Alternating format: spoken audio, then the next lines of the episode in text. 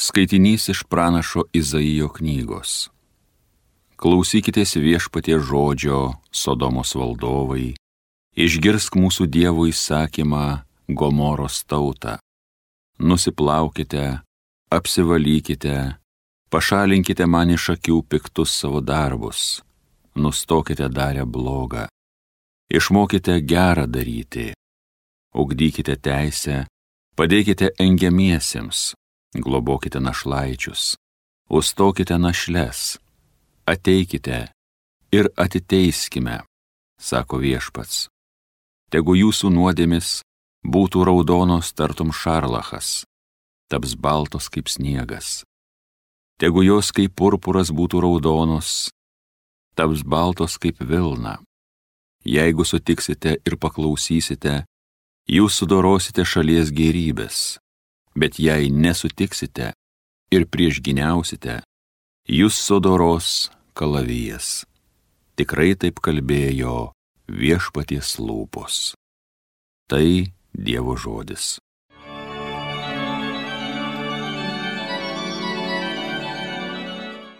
Kas tiesiai žygiuoja, tam parodysiu Dievo išganimą. Ne dėl laukų aš tave barsiu, Deginamasis aukas visuomet man aukoji. Iš tavo tvarto nereikia man veršio, nei ožio iš tavo bandos. Kas tiesiai žygiuoja, tam parodysiu Dievo išganimą. Kam dar tu įsakus mano skaičiuoji, kam dar tavo burna mano sutartį mini, jei tu mano tvarkos laikytis nenori, jei sviedi šalin mano žodį. Kas tiesiai žygiuoja, tam parodysiu Dievo išganimą.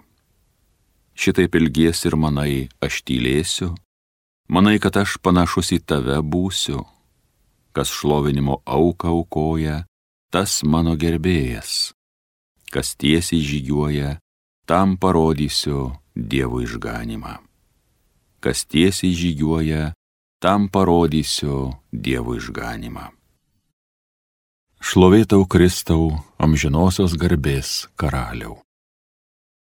Nusimeskite visas savo nuodėmės, sako viešpats, ir sukurkite naują savo širdį ir dvasę. Šlovėtau Kristau, amžinosios garbės karaliau. Pasiklausykite Šventojios Evangelijos pagal Matą. Anuomet Jėzus kreipėsi į minę ir į savo mokinius Į Mozės krasę atsisėdo rašto aiškintojai ir fariziejai. Todėl visą, ką jie liepia, darykite ir laikykitės, tačiau neselkite, kaip jie elgesi, nes jie kalba, bet nedaro. Jie riša sunkes, nepakeliamas naštas ir krauna žmonėms ant pečių, o patys nenori ne pirštu pajudinti. Jie viską daro, kad būtų žmonių matomi Jie pasiplatina maldos diržus ir pasididina apseustus purgus. Jie mėgsta pirmasias vietas pokeliuose bei pirmuosius krėslus sinagogose, mėgsta sveikinimus aikštėse ir trokšta, kad žmonės vadintų juos rabė. O jūs nesivadinkite rabė, nes turite vienintelį mokytoją, o jūs visi esate broliai. Ir ne vieno į savųjų nevadinkite tėvo, nes turite vienintelį tėvą danguje. Taip pat nesivadinkite mokytojais, nes jūsų vienintelis mokytojas yra Kristus. Kas iš jūsų didesnis, tebūnė jums tarnas. Mat kas save aukština, bus pažemintas, o kas save žemina, bus išaukštintas. Girdėjote viešpatie žodį.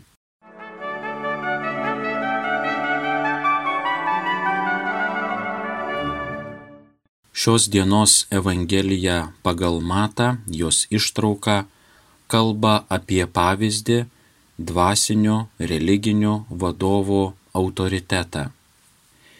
Jėzaus apibūdinimas fariziejų kaip mokytojų iš pirmo žvilgsnio gali pasirodyti labai dviprasmiškas.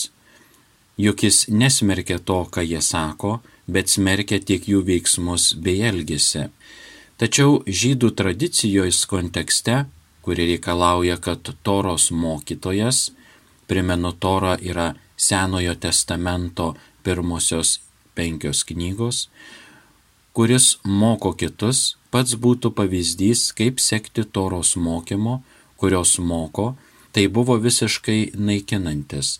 Sakydamas tai, ką pasakė Jėzus, iš tikrųjų apkaltino savo priešininkus tuo, kad jie yra netikri mokytojai, nesivadovaujantis tuo, ko moko savo mokinius ir pasiekėjus. Tačiau Jėzus pagrindinę problemą mato ne tame, ką sako jo priešininkai. Kaip matome, iš principo jis neturi nieko prieš fariziejų mokymą, juk galų gale buvo kalbama apie torą ir teisumo kelią, apie tai, kad be šito kelio negalima patekti į dangaus karalystę.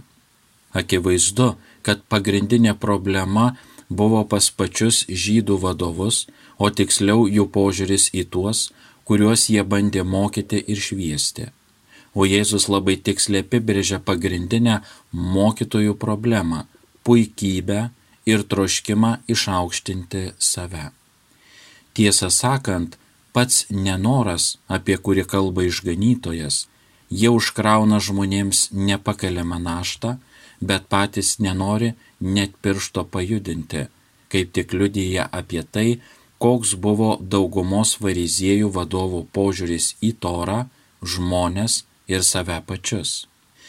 Matyt, jie save laikė toros žinovais, kuriems tokio žinio suteikia ypatingą galę prie žmonės, taip pat prieš tuos, kurie nepažinojo toros arba žinojo blogiau už fariziejus, o tokiais toks savotiškas kabutėse elitas laikė visus, kurie negavo atitinkamo įsilavinimo ir todėl nebuvo įtraukti išrinktųjų ratą.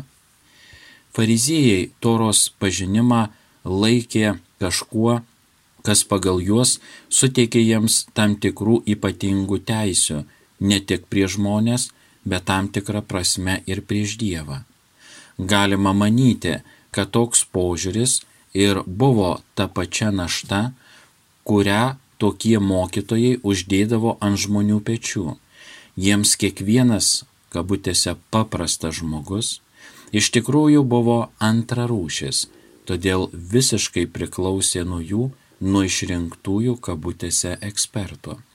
Jie visiškai pamiršo, kad toro žinojimas suponuoja pirmiausia neteisės, o atsakomybę, Todėl mokytojo statusas įpareigoja dvigubai.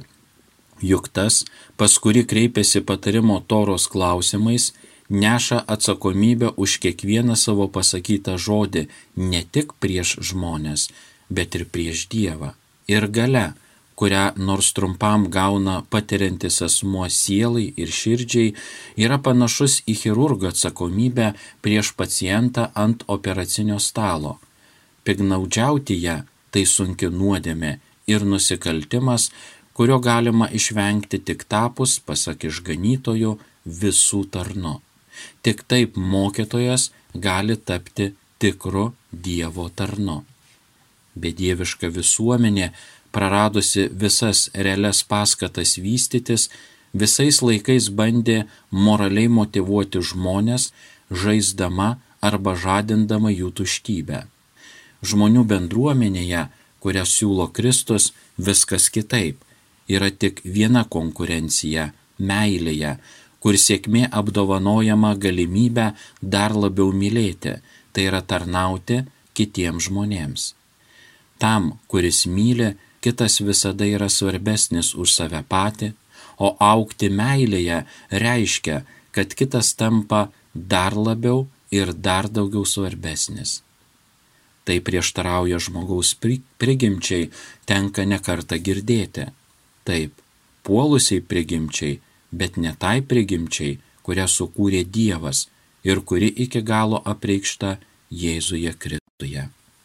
Toliau keliaukime gavėnios kelionę. Amen.